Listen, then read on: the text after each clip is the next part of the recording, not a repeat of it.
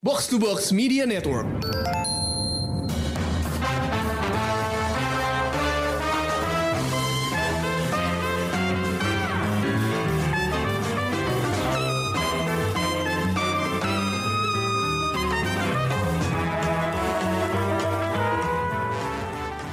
Showbox listeners, kita kembali lagi di sebuah Anglo review untuk film terbaru Guy Ritchie di bioskop. Judulnya rada panjang nih, yaitu Operation Fortune Ruse de Guerre. Judul yang menarik karena Ruse de Guerre itu punya dua makna. Makna yang pertama adalah istilah taktik militer, eh, semacam melakukan tipu muslihat untuk menipu lawan. Makna yang kedua adalah melawan musuh dengan cara-cara yang kreatif. Dua makna ini kita sudah lihat di film Operation Fortune yang dibintangin oleh Jason Statham. Uh, gua berasa udah lama banget nih nggak nonton film Guy Ritchie sejak apa ya Aladdin kalau nggak salah. Padahal Guy Ritchie tuh cukup aktif merilis film sel uh, selama pandemi ada Wrath of Man dan ada The Gentleman yang dirilis uh, selama tahun 2020-2021. Tapi baru Operation Fortune ini aja yang tayang di bioskop. Kalau nggak salah tahun ini dia masih ada satu film lagi yaitu The Covenant. Um, gua sih langsung pengen nonton ya waktu dengar ada Operation Fortune uh, karena gue cukup menggemari film-film Guy Ritchie uh, seperti Sherlock Holmes yang dibintangin Robert Downey Jr. sama Rock and Roller. Uh, gue nggak tahu pendapat Krisna tentang film-film Guy Ritchie gimana, uh, tapi ini setelah sekian lama nih Chris, kita nggak iya. nonton film Guy Ritchie. Bener. Tiba-tiba ada satu lagi sajian judul Guy Ritchie yang baru dan bukan dari mega studio seperti Warner Bros atau Disney gitu. Uh, mendengar nama sutradaranya, apakah lo punya ekspektasi tertentu terhadap film ini? Iya, gue juga kayaknya terakhir nonton film dia Aladdin deh. Setelah itu gue juga ngelewatin tuh yang dua tadi lo sebut. Ya tapi ket, ya ketika ngomongin Guy Ritchie ya filmnya kan kayak apa ya selalu wajib tonton terutama untuk bisa dibilang kayak para otaku Inggris atau Betul. Ya penikmat Britpop eh apa Britpop culture lah gitu kan. Iya iya iya. Terus betul, uh, terutama kan dari gara-gara dulu trilogi crime flicknya itu kan Lock, Stock and Two Smoking Barrels, mm -hmm. uh, Rock and Roll lah gitu itu, itu dulu gue juga suka banget. Terus ya terutama juga kan dia punya style yang kayak penggunaan logat Inggris yang pedok banget kan. betul betul. Nah, terus Dan, apa penuh bahasa slang Inggris juga gitu. Iya. Hmm. Uh, tapi uh, apakah film ini lo mengharapkan sesuatu yang sama seperti ya, yang nah, sebelum-sebelumnya? Selain itu kan dia juga terkenal sama karakter-karakter unik gitu kan. Terus cerita penuh intrik yang kadang ruwet tapi seru gitu. Terus ada action stylish ya. Ya minimal dapat yang terakhir lah. Bener ya, ternyata gue sama lo sama aja ya. Gue yeah. gue juga pada saat mendengar bahwa ini sebuah film Guy Ritchie, gue hmm. langsung langsung mengharapkan ada aktor-aktor berlogat Inggris yang kental banget. Kental. Terus udah gitu yang main Jason Statham gitu kan. Terus yeah. gue langsung kebayang, wah ini uh, pasti filmnya Guy Ritchie banget gitu. Mm-hmm. Uh, Sebenarnya tapi ceritanya tuh apa sih? Ini kan ceritanya tentang spionase ya sebenarnya. Iya gak sih? Kayak iya sih kurang lebih kan emang misi yang apa ya dari misi rahasia dari pemerintah Inggris gitu kan.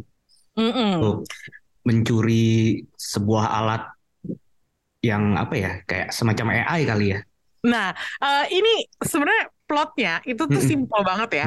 Uh, ini ada mata-mata namanya Orson Fortune yang diperankan oleh Jason Statham.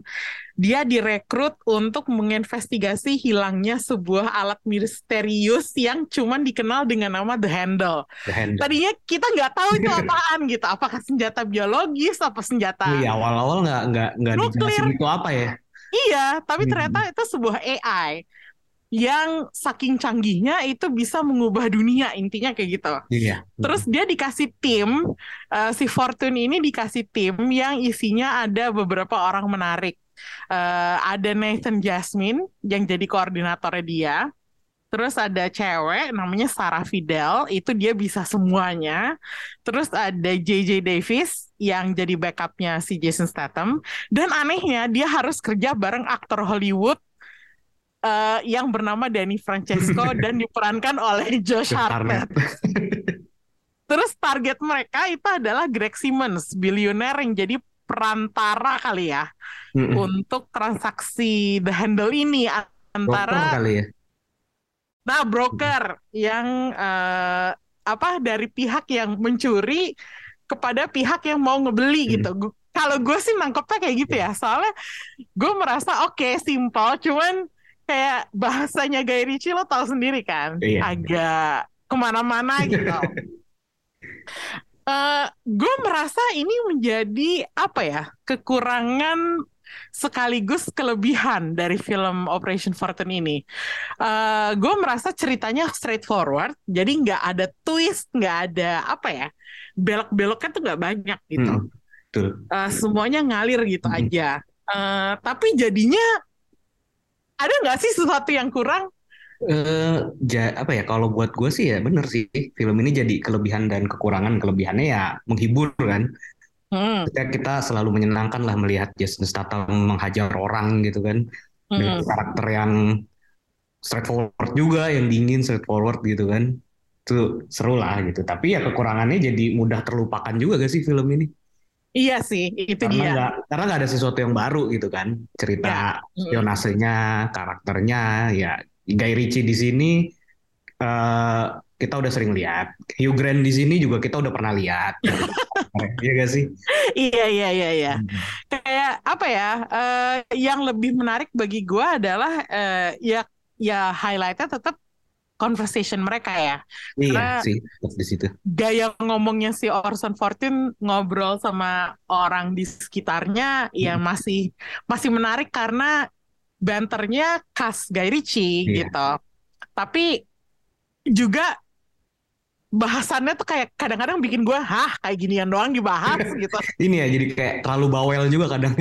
iya kadang terlalu si bawel. Ini ya, sih si karakter Sarah Fidelnya ini yang Aubrey diperanin Aubrey Plaza ini lumayan. Iya. Ya kan dia ceritanya satu-satunya orang Amerika kan. iya iya iya. Kadang bawelnya tuh khas jokes orang Amerika gitu kadang kan. Iya, itu dia kayak apa aja dibecandain, apa aja dicengin gitu kan. Maksudnya apakah itu semacam apa ya? Kayak sindiran terhadap orang Amerika yang banyak ngomong gitu. Iya. So asik kadang rasanya. Hmm. Tapi surprisingly ya Chris, gue masih uh, masih lumayan suka terutama suka banget sama openingnya waktu pertama oh. kali si handlernya mereka itu si Nathan Jasmine yang diperanin hmm. sama Carrie Ells dia hmm. ma dia muncul terus dia jalan kan hmm. di lantai marmer jadi sepatu dia tuh tok tok tok tok tok tok terus tiba-tiba nyatu sama musiknya gitu hmm. Menurut ya, stylishnya Guy Ritchie juga di situ. Iya kayak tiba-tiba pada saat itu gue langsung mikir ah gue lagi nonton film Guy Ritchie. Iya langsung terasa ya. Langsung terasa tapi sayangnya itu dia plotnya terlalu simple. Iya. Nggak apa ya kayak ruwet-ruwetnya yang biasa kita lihat di Guy Ritchie kan biasanya kayak ada satu hal yang diperbutkan terus itu kayak ruwet banget karena yang memperbutkan banyak dengan motivasi sendiri-sendiri itu kurang terasa di sini sih walaupun walaupun ada beberapa pihak juga yang memperbutkan si handle ini tapi ya terasa lebih sim jauh lebih simpel aja sih. Iya. pun. Nah, eh, kalau menurut gue lebih menarik nontonin bintang-bintangnya nggak sih? Soalnya iya. kombinasinya unik banget sih kalau menurut sih. gue. Jason Statham, Hugh Grant, terus tiba-tiba yang paling bikin gue heran adalah Josh Hartnett, Josh Hartnett. dong. Itu terakhir nonton film dia kapan ya? Gue bahkan udah lupa. wow, gue sendiri juga nggak inget sama sekali kapan terakhir nonton Josh Hartnett. Tapi hmm. maksudnya kombinasinya buat gue bekerja hmm. lumayan hmm. baik gitu. Iya, chemistry-nya ada lah ya. Ya, nah, gue pengen tahu siapa yang paling uh, menarik atau mengejutkan bagi lo? Gue suka si Nathan dan JJ. Oh ya? iya, maksudnya si si Nathan nih apa ya? Uh, dia bisa mengendalikan Orson sih. Oh iya dia iya. tahu iya. cara. Saya kan karakter Orson ini kan lumayan keras kepala gitu ya. Hmm. Dan awalnya pun pas mereka pertama kali ketemu sebenarnya si Orson kan ceritanya kayak lagi break lagi liburan nggak mau nggak nggak mau nerima misi apa pun dulu gitu Ya. ya akhirnya bisa di ini kan bisa ditundukin sama si Nathan kan maksudnya akhirnya dia mau gitu Iya. ya kan terus nggak tahu kenapa juga si Carrie Ells ini nih vibe-nya mengingatkan gue kayak ini ya John Malkovich ya Kalau menurut gue nggak salah sih, soalnya kayak tampang dia tuh gimana Mirip ya? nggak sih Bukannya mirip, tapi kayak Agak ekspresinya tuh ekspresinya kali sama ya. gitu. Mm-mm. Iya, dengan Kayak apa sih, rambut lebih eh, tebal gue ngeliatnya kayak kayak John, John Malkovich dengan rambut lebih tebal aja gue nggak tahu itu pujian apa insult begitu. Salah satunya, tapi ya oke lah. Mm-mm. Oke, kalau kalau si JJ kenapa? lucu aja sih dia interaksinya lucu sih maksudnya dia kan apa ya awalnya kan kayak pas si Orsonnya di- dibilang di timnya ada JJ kayak ngapain ada dia dia nggak bisa ngapa-ngapain gitu kan Hmm. Dia kompeten ternyata gitu kan dan dan gue lucu setiap di, si ini sih setiap dia ada perdepan nama ada perdebatan dengan Orson dia selalu ujung-ujungnya oke bos ya udah terserah lu terus kalau ada yang salah baru kayak dia ya kayak udah gue kasih tahu kan tadi gitu. Iya iya iya.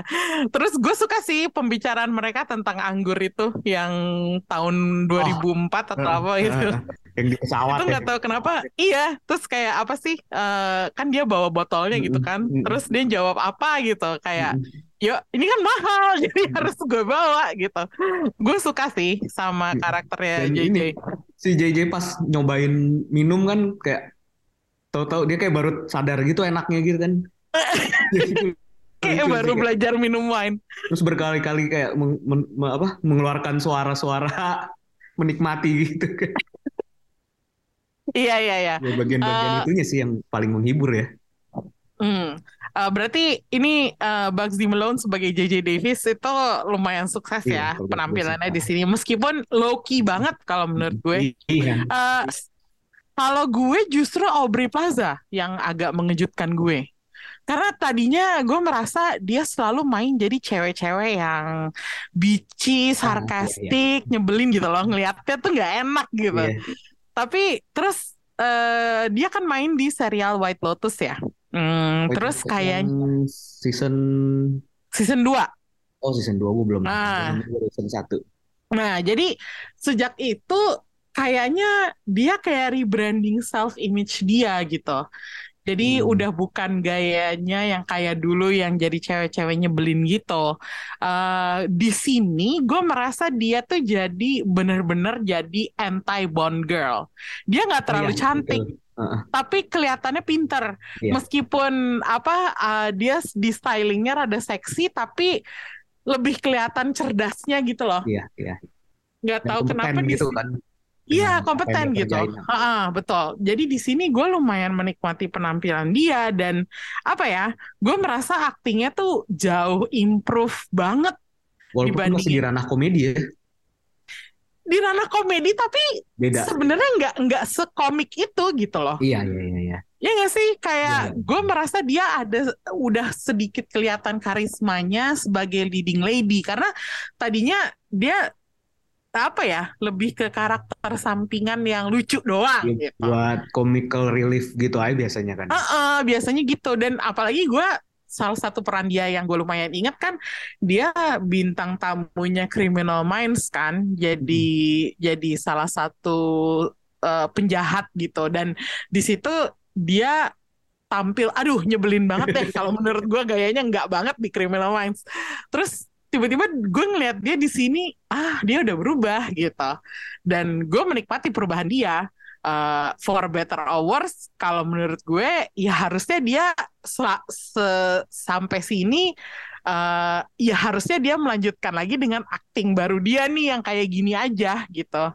Udah jangan udah lewat lah ya periode yang sebelumnya Iya, jadi maksudnya carilah eh, apa ya? Kalau menurut gue peran karakter yang yang lebih dalam, yang lebih eh, menuntut eh, acting dia gitu. Jadi ya gue gue lumayan surprise sih sama Aubrey Plaza karena tadinya gue waktu denger dia yang main di sini gue mikirnya kayak hah kenapa harus dia gitu.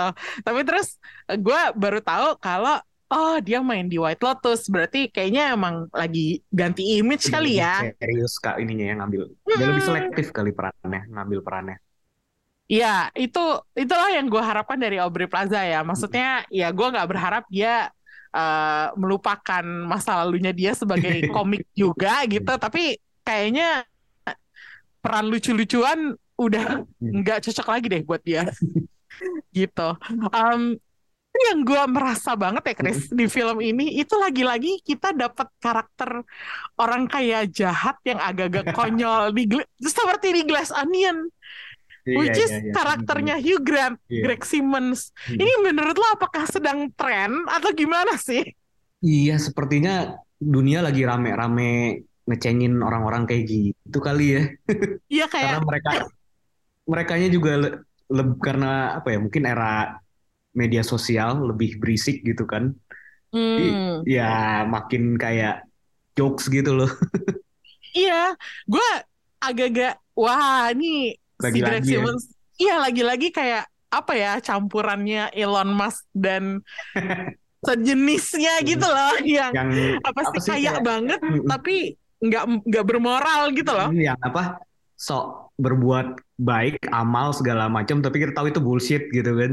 Iya, dan itu kerasa banget bahwa apa ya? Ini sebuah apa ya? Si Guy Ritchie menaruh dia sebagai eh I don't know, social commentary maybe. Hmm, ya, ya mungkin selipan sedikit lah ya. Makanya mungkin dia juga memilih Hugh Grant untuk karakter ini ya cocok kan mukanya dengan karakter Iya seperti ini apa tengil-tengilnya terus kayak so so asiknya gitu kan. Tapi menurut lo Hugh Grant cocok ya dengan peran ini? Cocok menurut gue. gue salah satu yang gue nikmatin di sini Hugh Grant sebagai Greg Simmons. Oh gitu. Iya. Oh oke, karena gue agak gue teringat karakter dia di Love Actually. Ah, Dan- jadi Prime Minister ya. Iya, dan gue merasa kok jauh banget ya sama itu. Tapi mungkin ya gue kan udah nggak udah jarang nonton Hugh Mm-mm. Grant gitu loh. Jadi mungkin ini juga transformasi karir dia. Gue nggak ngerti deh. Ya mungkin dia sebagai sweet man itu udah udah udah se- typecasting apa ya udah stereotype dia gitu kan. Ya, jadi sekarang dia mencari yang baru Hmm. kali ya. Hmm. Ya nggak apa-apa juga sih. Cuman gue agak-agak oh Hugh Grant kayak begini sekarang. Eh, kayaknya dia udah pernah juga deh mainin karakter. Sebenarnya kayak di karakter dia di Bridget Jones kan sebenarnya kurang Iya. iya kan? Kayak Iya ini sih. kan. di Iya sih. Iya iya iya. iya. Terus di mana lagi ya? Di Paddington 2 kan dia jadi ini kan? jadi Paddington 2. villain.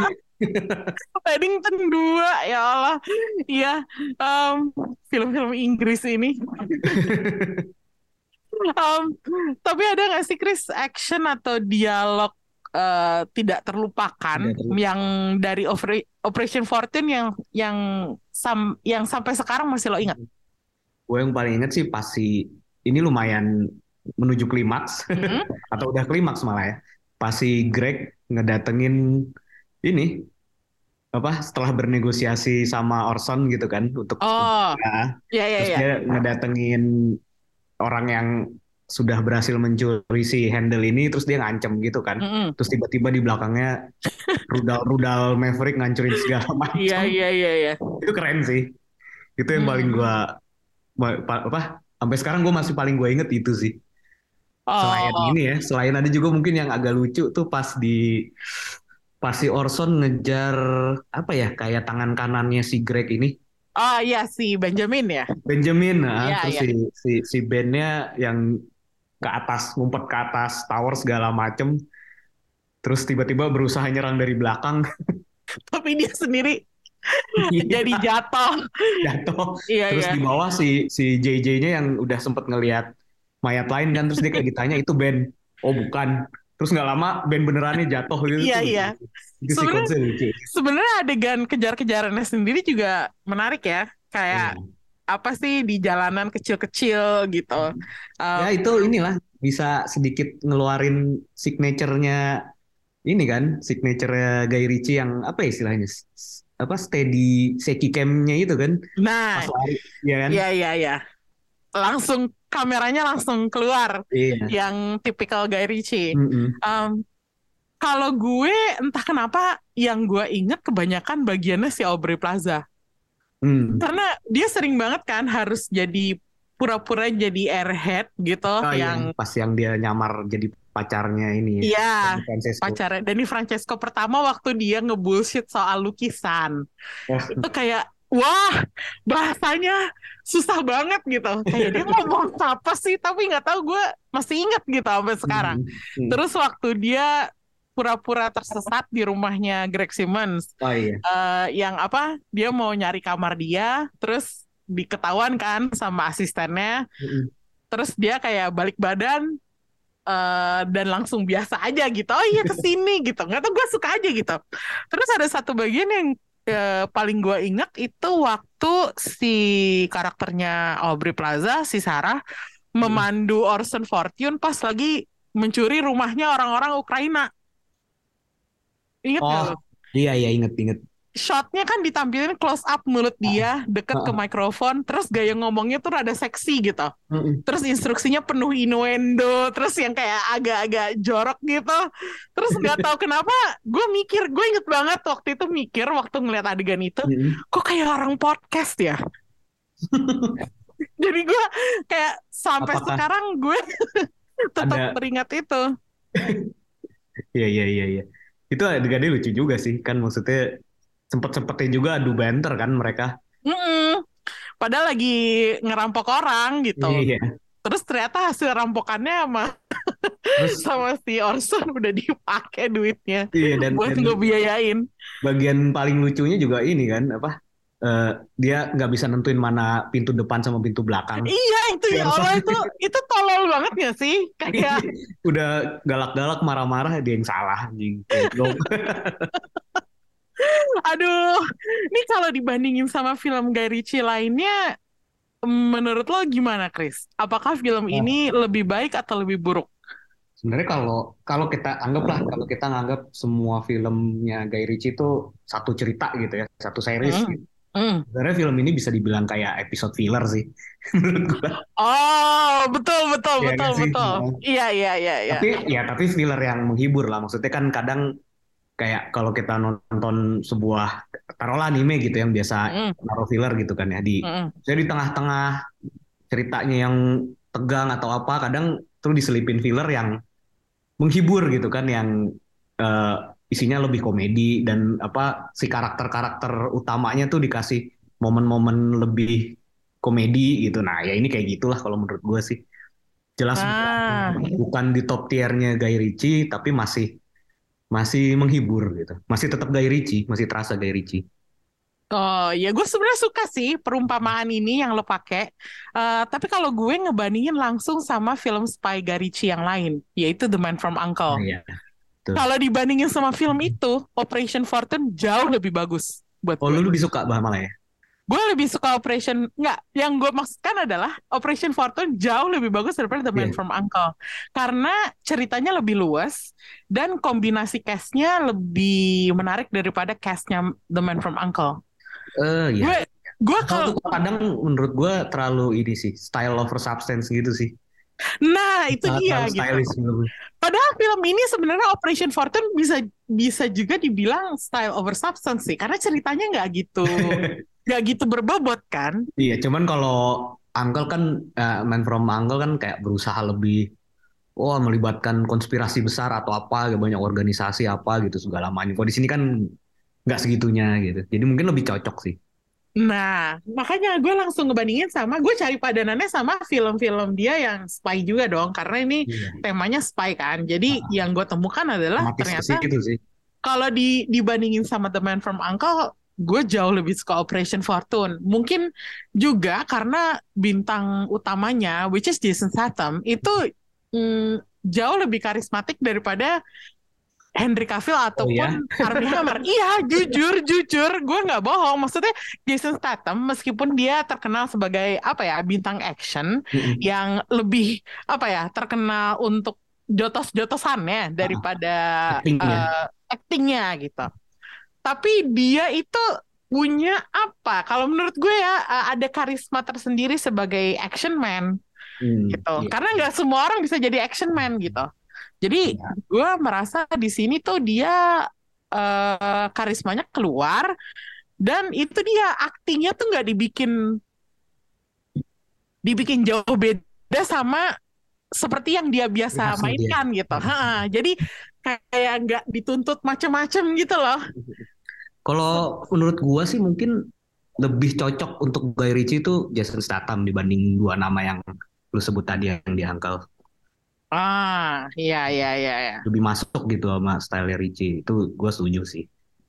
Hmm. Karena gue juga bener sih di Uncle gue nggak terkesan sama dua karakter utama cowoknya gitu. Iya kan, Mm-mm. kayak sama sekali loh. Gue sama sekali The Man from Uncle yang tadinya kan diheboh-hebohin. Iya. Henry Cavill, ya. iya, Armie Hammer, Alicia Vikander gitu. Tapi ternyata kalau dibandingin sama Operation Fortune ini, Mm-mm. yang ini jauh lebih memikat Mm-mm.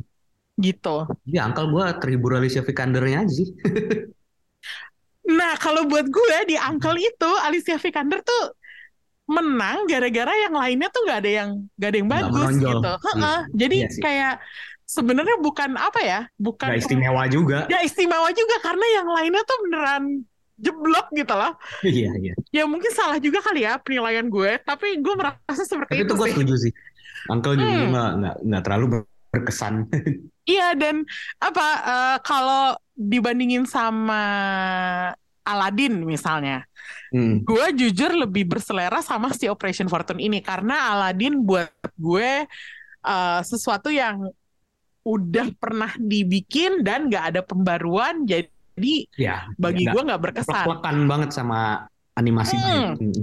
Hmm, jadi kalau menurut gue proyek Aladdin itu apa ya semacam anomali gak sih dalam karir Guy Ritchie? Iya. Yang anehnya gue denger, beda. iya dan anehnya gue denger dia eh, berikutnya bakal kerja sama sama Disney juga Untuk untuk nyutradarain Mm-mm. live actionnya Hercules. Oh iya. Oh tapi mungkin kalau Hercules kita bisa bandingin ke Arthur kali nanti. Nah, iya itu yang gue pikir gitu. Cuman lebih Alad cocok. nah Aladdin sama The Man from Uncle nih dua film Ritchie sebelumnya yang ternyata berada jauh di bawah Iya. Operation Fortune sih kalau buat gue. Karena Operation Fortune setidaknya masih lumayan entertaining ya. Bahkan Iya. bisa dibilang sangat entertaining karena gue inget banget gue nontonnya siang-siang jam pertama bioskopnya Mm. sepi dan gue ketawa-ketawa aja sendirian gitu loh di bioskop kayak nggak ada malu-malunya gitu ya udah gue ketawa-ketawa aja gitu jadi ya oke kalau misalnya dibandingin sama Rock'n'Rolla atau Sherlock Holmes ya masih Ya itu picknya dia lah. Nah, itu pick Guy Ritchie kan. Jadi susah kalau mau dibandingin sama yang dua itu. Tapi Hmm. Dibandingin sama Aladdin, bandingin sama Man from Uncle, jelas-jelas Kalau dibanding ini King Arthur, gue sih masih lebih suka King Arthur ya. sama. Gue juga masih lebih suka King Arthur. Hmm. Karena King Arthur, eh sebenarnya King Arthur itu juga kalau menurut gue bintang utamanya pas. Si ini Si Charlie Hunnam. Hmm. Mm-mm. Kayak eh, dia adalah Guy Ritchie leading man. Iya betul. Ya nggak sih? Karisma action-nya kayak lu bilang tadi ya. Iya, betul. Jadi ya itu dia. Kalau misalnya dibandingin sama King Arthur, gue masih sedikit lebih suka King Arthur. Meskipun Operation Fortune nggak jauh di belakang. Oke. Nah, itulah eh, sebenarnya kenapa gue ngajak Krisna buat eh, mereview film ini adalah karena gue tahu dia juga suka nontonin film Guy Ritchie Iya. kan. Karena soalnya kalau film ini dibahas tanpa sesama pemirsa Guy Ritchie kurang Pemirsa Guy Ritchie, nih. ya. Pas tuh kata-katanya. Iya, itu dia. Oke deh, sekarang kita kasih bintang aja, Chris. Oke. Eh, di antara 1 sampai 5 bintang, film Hmm. ini berada di bintang berapa? Tiga setengah lah buat gue. Ah, tiga setengah ya. Ya, gue setuju sih. Yang paling juga. kan segitu. Iya, iya. Karena ya itu dia gue bilang kalau misalnya Man from Uncle buat gue itu dua, atau Aladdin itu cukup tiga gitu. Di sini jauh di atas, which is tiga setengah gitu. ya nggak sih? Iya, setuju. Nah, uh, pendengar Showbox mungkin mau sharing film Guy Ritchie mana yang jadi favorit mereka. Kalau misalnya punya film favorit Guy Ritchie, silakan share di kita uh, di IG kali ya. Kalau misalnya nanti tiba-tiba ada konten sesuatu yang berhubungan dengan Operation Fortune. Um, thank you udah dengerin. Uh, saksikan film Operation Fortune masih main di bioskop. Semoga pada saat episode ini tayang masih juga main, tetap main di bioskop uh, dan bisa dinikmatin oleh kalian semua. Uh, thank you udah dengerin. Bye-bye. Bye.